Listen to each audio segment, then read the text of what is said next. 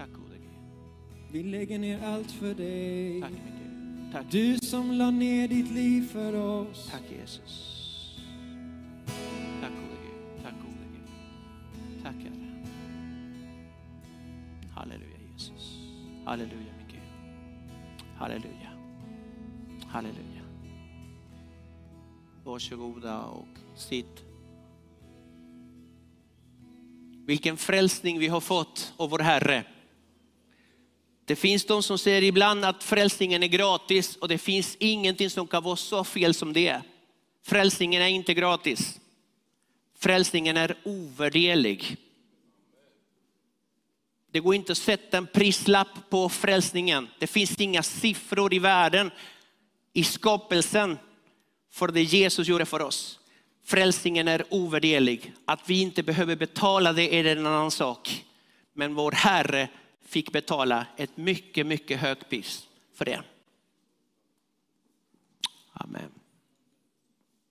Ehm, Jorge Moreno är mitt namn och är en av pastorerna i, i den här kyrkan.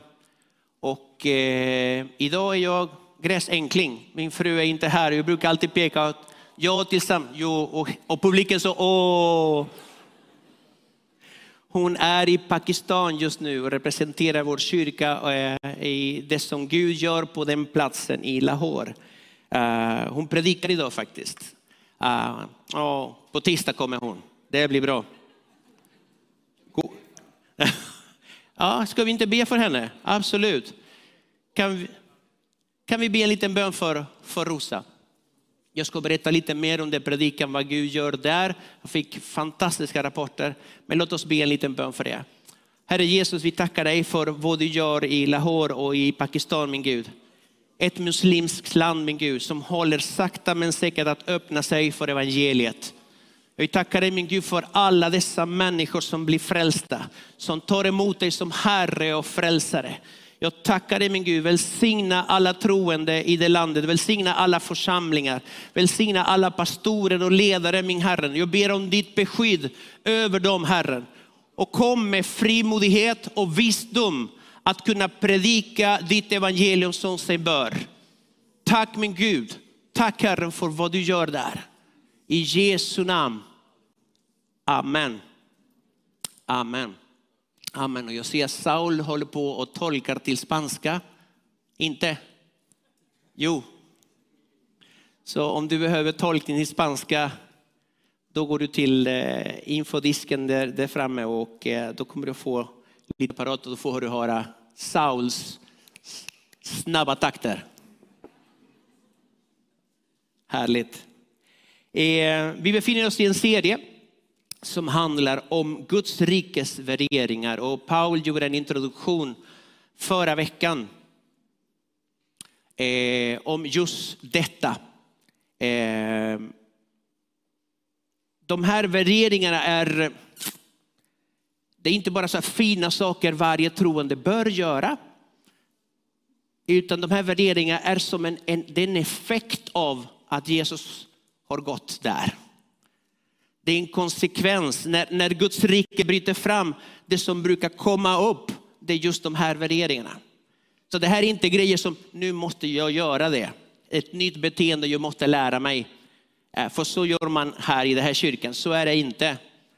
Utan när Gud verkar i en människas liv kommer det här på ett naturligt sätt. Och det kommer jag att prata om lite grann. Det som Gud gör blir mer kännbar, synligt, hörbar, begripbar.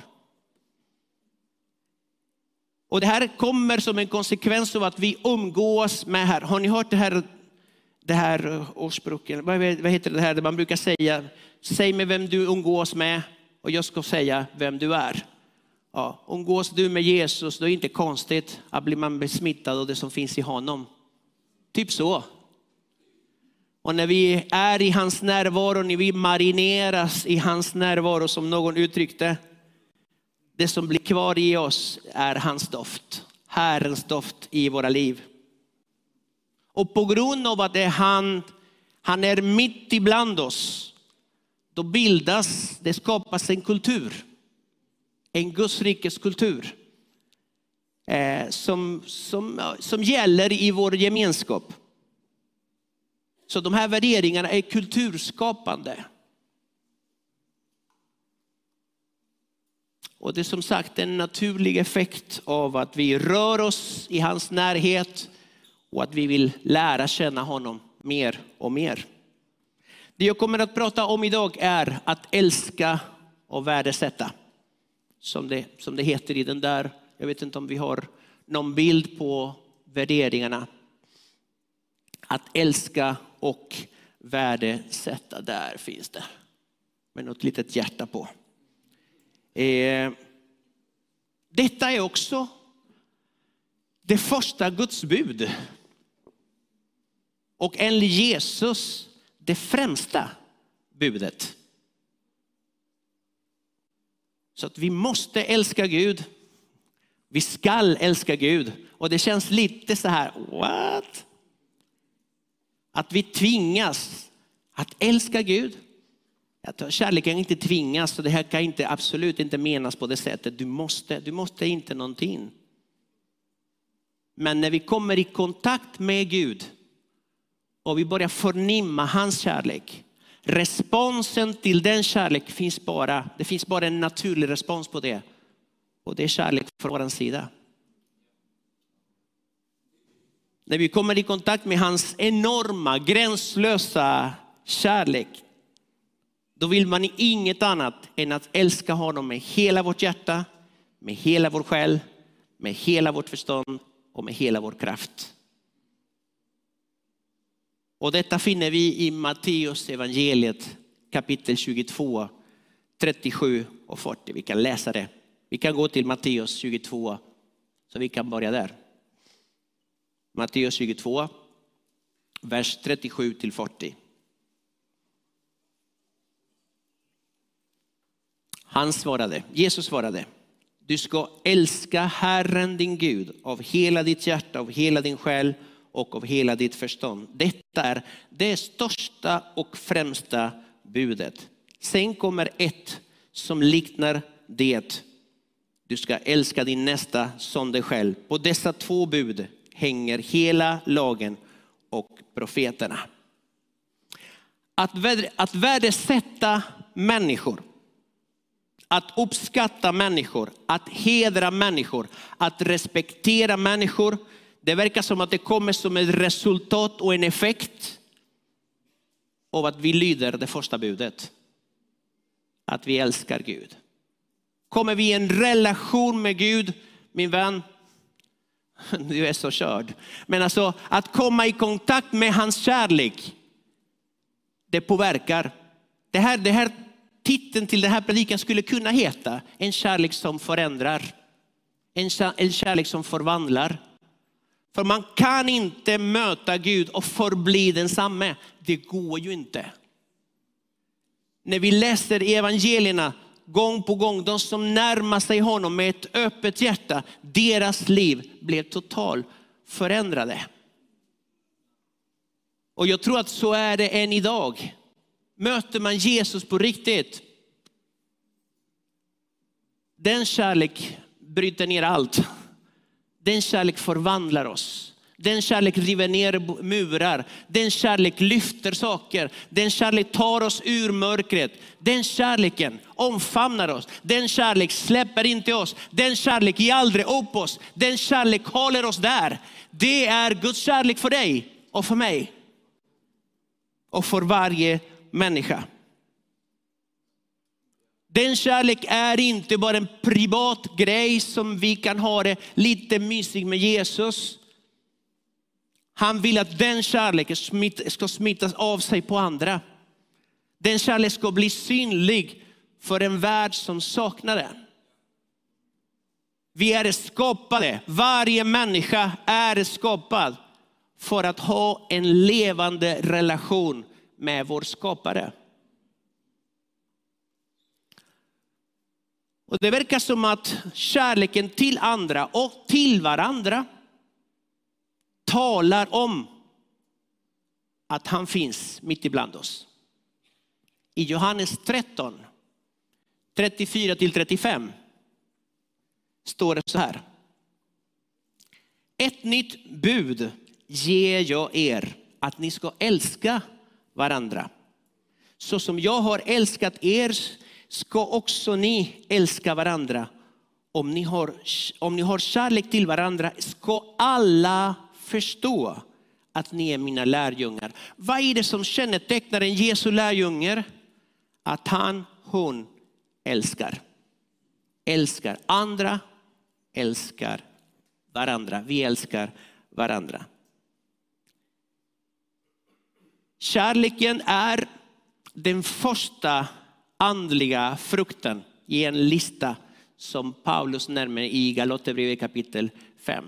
Det är den första och några har sagt så här att egentligen är det enda.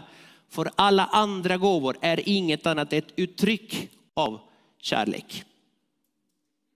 Så det, det, betyder en sak att den helige ande bara producerar det första och det största den helige ande producerar i varje troende är kärlek. Så kärlek är inte någonting som du ska tvinga fram. Den kärlek kommer som en naturlig effekt av att Gud är i rörelse i ditt liv. Jag kommer ihåg när jag blev frälst, 19 år var jag. Helt plötsligt började jag tycka att naturen är fantastisk. Bara älska fåglar och inte vet jag. Man blir totalt förälskad i Guds skapelse, i Gud och i alla människor. Och då tänkte jag, var kommer allt det här ifrån? Det kommer från Gud. Och hur många gånger har man inte varit tvungen att gå tillbaka till korset för att ropa till Gud, Gud jag vill ha den första kärleken. Har ni varit med om det? Att när det här bara blir religion och Gud gång på gång drar oss i örat och säger nej min vän, det här är en relation. Kom tillbaka, kom tillbaka. Nu, nu tror du att du klarar det här själv. Kom till mig igen.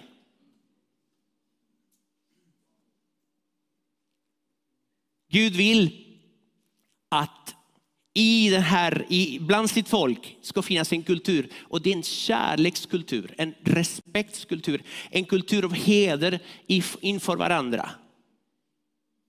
Inte en kultur där vi talar illa om varandra eller talar illa om andra. Andra kyrkor eller vad det kan vara. Att vi föraktar människor för att de är så, ser eller så, tänker annorlunda. Utan Gud hjälper oss att det som kommer från vår mun är bara uppmuntrande, uppbyggande, profeterande. Varför inte? Tala gott om andra. Jag tror att det är det som Gud vill göra. Gud har alltid velat så, det här. Gud har alltid velat ha en relation och det här kan vi se redan i gamla testamentet. Det ser vi på. Pastorn är inte ett språkrör. Prästen är inte ett språkrör. Du och jag, vi behöver inga medlare för att ha en relation med Jesus. Du har din bibel, du har bönen, du har ett fördold, du har ett rum hemma hos dig. Där ska du möta Herren. Ibland vill vi ha att någon annan ska berätta för oss hur Gud tänker.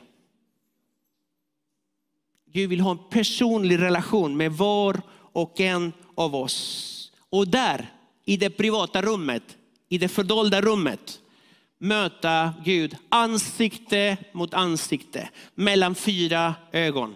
Och där får du höra ord som är speciellt adresserade från himlen till bara dig.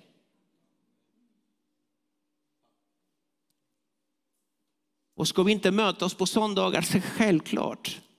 Självklart ska vi komma hit sen och möta Gud som folk. Och tillbe Herren tillsammans som folk. Och lyssna på vad Herren säger till oss och, liksom, och låta det ordet bli ledande också under veckan. Han sänder oss tillbaka till våra hem, till våra jobb, arbetsplatser, skolor eller vad det än är. Och på insidan bär vi någonting som Herren har talat på söndagen.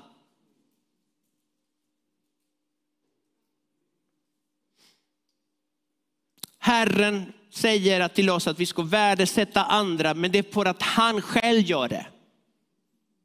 Gud värdesätter var och en av oss, sätter oss högt. Vi har mycket högt värde hos honom. Hur stort är det värdet? Ja, det är bara att titta på korset. För där står ett, en prislapp.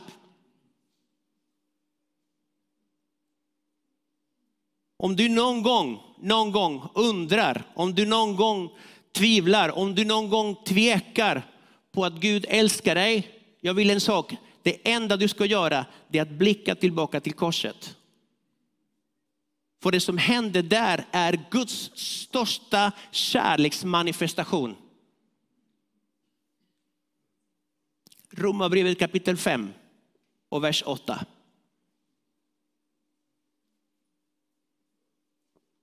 Där på Golgata, mina vänner, visade Fadern hur mycket han älskar dig och mig. Hur mycket värda vi är för honom. Vilket värde vi har inför honom. Romarbrevet 5.8. Men Gud bevisar sin kärlek till oss genom att Kristus dog i vårt ställe medan vi ännu var syndare. Han älskade oss innan vi gjorde något gott. Så vi behöver vara perfekta och göra allt rätt för att han ska älska dig. Nej, han älskade innan du ens kom på att han fanns. Han älskade innan du blev frälst. Han älskade innan du gick till kyrkan. Han älskade när du gjorde allt fel. Han älskade redan där.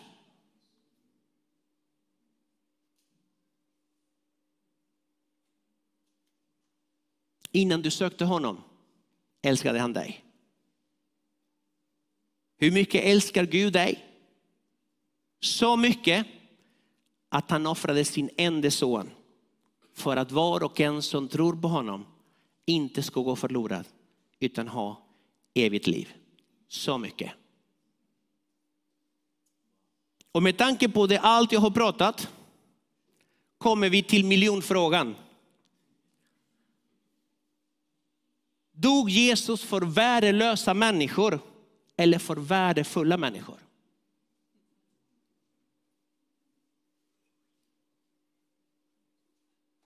För svaret på den frågan kommer att påverka vår gudsbild. Det kommer att påverka vår självbild och det kommer att påverka vår människosyn. Mina vänner, du är underbart skapad. Säg, jag är underbart skapad. Ja, men, säg det som att du tror på det. Och ibland säger jag, ah, men jag gillar inte näsan och jag gillar inte håret och jag gillar inte magen och varför benen är så här. Du är underbart skapad min vän. Och vet du vad, du är skapad till Guds avbild. Strunt samma näsan och håret och magen och allt annat. Du är skapad till Guds avbild och du är unik. Det finns inte en kopia av dig, tack och lov för det. Att du är unik, du är som du är, det finns ingen annan som du. Du är ett mästerverk, mina vänner, du är ett signerat mästerverk. Gud har satt sitt namn på ditt hjärta och han har satt ditt namn i hans himmel. Du är så mycket alltså, värd. En tavla, vem som helst kan måla en tavla. Eller? Men om det står Picasso längst ner, uff, alltså, den tavlan är värd precis oh, hur mycket som helst. Vad tror du om det på den tavlan står Jesus? Hur mycket är inte värt det där? Det är precis vad Jesus har gjort med ditt liv. Han sätter sitt namn. Och vet du varför han sätter man ett namn på något? Till exempel, det brukar vi göra, det brukar du göra matlådan på, ja, på jobbet. Man skriver sitt namn där. Varför skriver man sitt namn? Man vet vad man heter. Det är för att ingen annan ska röra den. Min matlåda, oj oj oj, den veden som rör den. Jag tror att Gud gör samma sak. Han, hon är min veden som rör den. Jag tror att också när man, sett, när man gör något fint, inte vet jag, säg att man ritar något fint och man sätter sitt namn på, det är för att man är stolt över det. Man säger, oh, det, där, det var jag som gjorde det och det blev så här fint. Jesus gör samma sak. Kolla, det här är min son i vilken jag har min glädje. Det här är min dotter i vilken jag har min glädje. Det här är mitt barn. Don't touch it. Det finns en berättelse i Matteus 22. Vi kan gå dit. Från vers 19 till 21. Återigen, de vill sätta dit Jesus. De vill liksom lura honom och kommer med en, en liten fråga. Lite knivigt var det för att de befann sig eh, under ockupation. Romarna styrde landet och de skulle vi betala skatt eller inte? Visa mig det mynt, säger han då, som man betalar skatten med. Då räckte de honom en denar. Och han frågade dem, vems bild och vem inskrift är detta? De svarade kejsarens. Då sa han till dem, då, ge då kejsaren det som tillhör kejsaren och Gud det som tillhör Gud. Och frågan handlade om skatt. Och han svarar delvis på den frågan, men han Jesus, han har så många bottnar i det han säger. För han säger ge systemet det som systemen kräver, men ge Gud det som tillhör Gud. Nu är min fråga, vad är det som tillhör Gud? Du tillhör Gud. Ge dig till Gud för att du tillhör Gud. Du har blivit skapad till honom. Vi ska ge till honom allt vad vi har, allt vad vi är. När jag börjar förstå hans kärlek, jag tänker mer att den här kärleken också kommer att påverka min identitet. Då behöver jag inte jaga efter hans kärlek. Har ni sett när barnen är små? Titta pappa vad jag kan. Jag kommer ihåg när mina barn var små liksom kunde stå på händerna, inte vet jag. Liksom, titta, titta vad jag kan, titta vad jag kan. Men ibland får jag en känsla, vi kristna håller på med samma sak. Titta vad jag kan, titta vad jag kan Gud. Jag vet inte, jag vet inte om vi kan imponera på Gud faktiskt. Men jag tror att han blir glad när vi försöker göra någonting. Jag tror att han blir glad. Men han älskar oss mer än vad vi anar. Han kan inte älska dig mer än vad han redan gör. Hans kärlek för dig och mig, vet du vad? Det står så här, med evig kärlek har jag älskat dig. Hans kärlek är för evig, den är konstant, det varierar inte. Gud har ingen dålig dag. Idag vet jag inte riktigt om jag gillar Jorge, jag vet inte riktigt. Han har inte varit snäll, han har inte gjort sin plikt, han har inte tagit sitt ansvar. Nej, inte idag. Idag älskar jag inte honom. Tror ni att så fungerar Gud? Det gör han inte. Han älskar dig oberoende. Oberoende. Så är hans kärlek. Så mitt råd till dig är, spring inte från hans kärlek. Göm dig inte från hans kärlek. Jag kommer ihåg innan jag blev frälst, jag försökte i några år, det gick inte så bra. Tills jag kapitulerade. Böjde knä i en kyrka och tog emot honom. Ibland behöver vi det också som troende. Gå tillbaka till korset, böja knä inför honom och ta emot hans kärlek, hans förlåtelse, hans omfamn.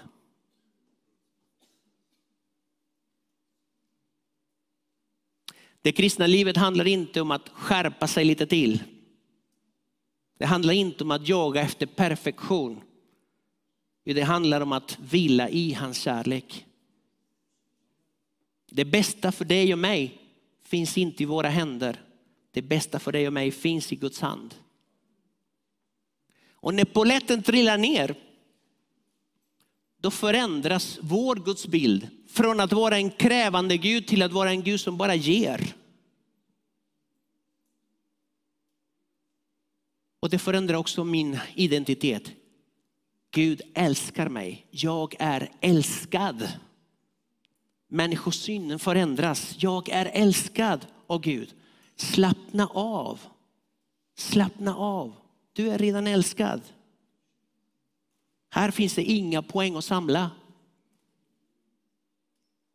Tänk att vara älskad av Gud den högste.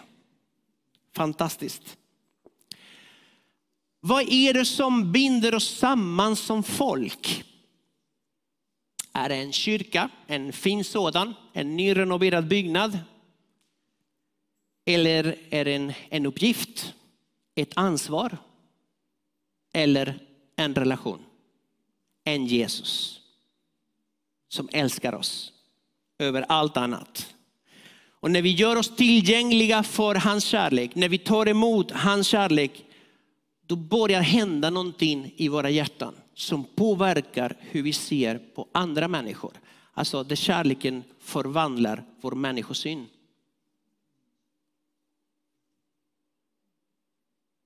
Man kan till och med bli generös mot andra. Det handlar inte om att få längre, utan det handlar om att ge. Det var någon som sa så här, man kan ge utan att älska. Men man kan inte älska utan att ge. Kärleken är givande i sin natur. Det är inte krävande, det är inte kvävande. Den är givande, den är generös.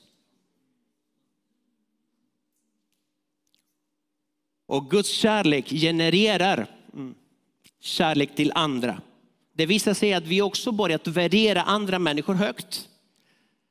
Det visar sig när vi försöker hitta pärlan i varje människa. Det visar sig när vi vill vara till välsignelse för andra människor. Det visar sig när vi inte föraktar andra.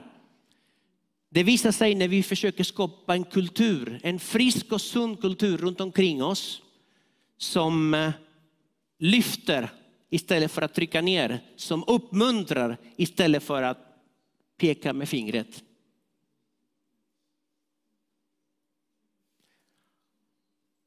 När Jesus skulle presentera, eh, när, Jesus, när Petrus skulle presentera Jesus för första gången för hedningarna hemma hos Cornelius. Han säger så här, att Gud smorde Jesus från Nasaret med den helige andens kraft. Han som gick omkring och gjorde gott och botade alla som var i djävulens våld, till Gud var med honom.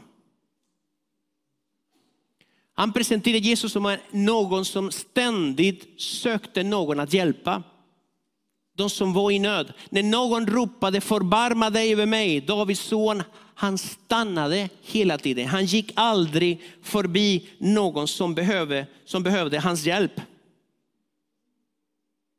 Jesus drevs hela tiden av kärlek i allt det han sa och allt det han gjorde. Han gjorde det han gjorde grundade sig i medlidande. I medlidande. Ordet medlidande på spanska, det är compassion. Med passion. Med hela hjärtat. Jesus kände passionerad för varje människans, varje människas, situation. När han såg nöd, när han såg orättvisa, när han såg problem, när han såg sjukdomar, han agerade, han gjorde något. Det var inte sympati han kände, det var empati. Sympati är när man ser någon lida och man känner, ah, vad tråkigt. Empati är när man känner, nej, jag måste göra något. Empati sätter igång någonting. Jag kan inte bara titta utan jag agerar. Jesus var en sån, han tittade inte, han agerade. Om Gud låter dig se något, det är för att han vill att du ska agera. Inte, oh, men så är det. När vi tittar på tv, har ni gjort det någon gång? Att man tittar på, till exempel man tittar på nyheter eller man tittar något tragiskt händer och man känner vad tungt det här var. Sen zappar man vidare. Jag orkar inte med det, lidande. Då zappar man vidare. Gud har ingen felkontroll. Utan han är tvungen att se allt som händer. Och han är tvungen att höra alla människor som ropar. Finns det någon som bryr sig? Finns det någon som ser? Finns det någon som som eh, ska hjälpa mig. Och det finns någon. Det finns någon som förbarmar sig när han ser vår situation och som vill agera. I Matteus evangeliet kapitel 9 och vers 35 38 finns en, en, eh, en, en berättelse där. Där Jesus gick omkring i alla städer och byar. Och han undervisade i deras synagogor och predikade evangeliet om riket. Botade alla slags sjukdomar och krämpor. När han såg, när han såg folkskarorna, då förbarmade han sig över dem eftersom de var rivna och slagna som får utan heder. Och han sa till sina lärjungar, skörden är stor, men arbetarna är få. Be därför skördens herre att han sänder ut arbetare till sin skörd. Den här texten brukar vi använda i evangelisationssammanhang för att vi ska gå ut och evangelisera. Men jag tror att det Jesus försöker göra här, det är att lärjungarna ska börja se det Jesus såg. För att de skulle börja göra det Jesus gjorde. Och i Lahore i Pakistan finns ett område som kallas för tegelbruksområden. Där fattigdomen är jättestor. Analfabetismen är jättestor. Och man kan titta på det och säga, ja men så är det. Rycka lite grann på axlarna och sådär. Men Asma kunde inte det. Asma är en före detta Ibius elev som var här för sex sju år sedan. Och hon tyckte att det här, det här kan inte stämma. Det här så ska det inte vara och startade en alfabetiseringscenter för människorna där, för att de ska lära sig att läsa och skriva. Och Rosa som är där just nu fick privilegiet att representera vår församling och vara med på invigningen av det centret. Några dagar senare startas en skola, också en kristen skola för barn i just det området, i de mest behövandes och där får barn möjligheten att gå till skolan. Så Pekka, jag vet inte om Pekka är här idag. Pekka ska göra en insamling av grejer som sen ska de, de ska ha någon form av loppis och sådär. Så Pekka kommer att förvandla fina prylar till pengar som ska gå till Pakistan. Så att om du känner liksom, jag har något fint som skulle kunna ge han eh, förvandlar de här, pengarna till, de här grejerna till pengar som ska till barnen och till skolorna där borta i Pakistan. Ta kontakt med honom. Ehm. Det händer inte bara i Pakistan. Jag tänker också på att även här, Marielle, där, Marielle som nu på, på tisdagar går ut till, till Plattan för att predika evangeliet, ha samtal, dela, dela gav Guds kärlek till människor. Eh, tänker på Pekka. Det är jättesynd att det finns hemlösa. Det är jättesynd att det finns eh, psykisk ohälsa. Det är så synd att det finns missbrukare. Men det räckte inte för Pekka och Mervi. Utan nej, vi måste starta Café Liv. Vi måste ge mat, vi måste ge evangeliet till människor. Medlidande sätter någonting, det sätter oss i rörelse. Där vi inte bara lyfter på axlarna utan vi gör något av det. Jag vaknade i, i natt, klockan fyra var det, inte kul alls. Men jag vaknade med en fras. Eh, och det var en man efter Guds hjärta. Det var det som väckte mig. Och jag tänkte liksom Gud, det är någonting som jag vill. Det är att vara en man efter ditt hjärta. Kanske du också känner dig som det, att vara en kvinna efter ditt hjärta. Och vem är det? En man efter Guds hjärta är den som ser de som ingen annan ser. En man efter Guds hjärta, en kvinna efter Guds hjärta är de som stannar när alla andra går förbi. Och tankarna går till den gode samariten. va? Men jag tror att Gud låter oss se något för att göra något. Vet du vad? Jag tror att Gud, han försöker göra det att dela sin börda med någon. Jag tror att det han försöker göra det är att vem ska jag sända? Och vem vill gå? Jag har hört mitt folk ropa, jag har sett hur de plågas jag känner deras lidande. Så var kallelse till Mose, gå, gör något.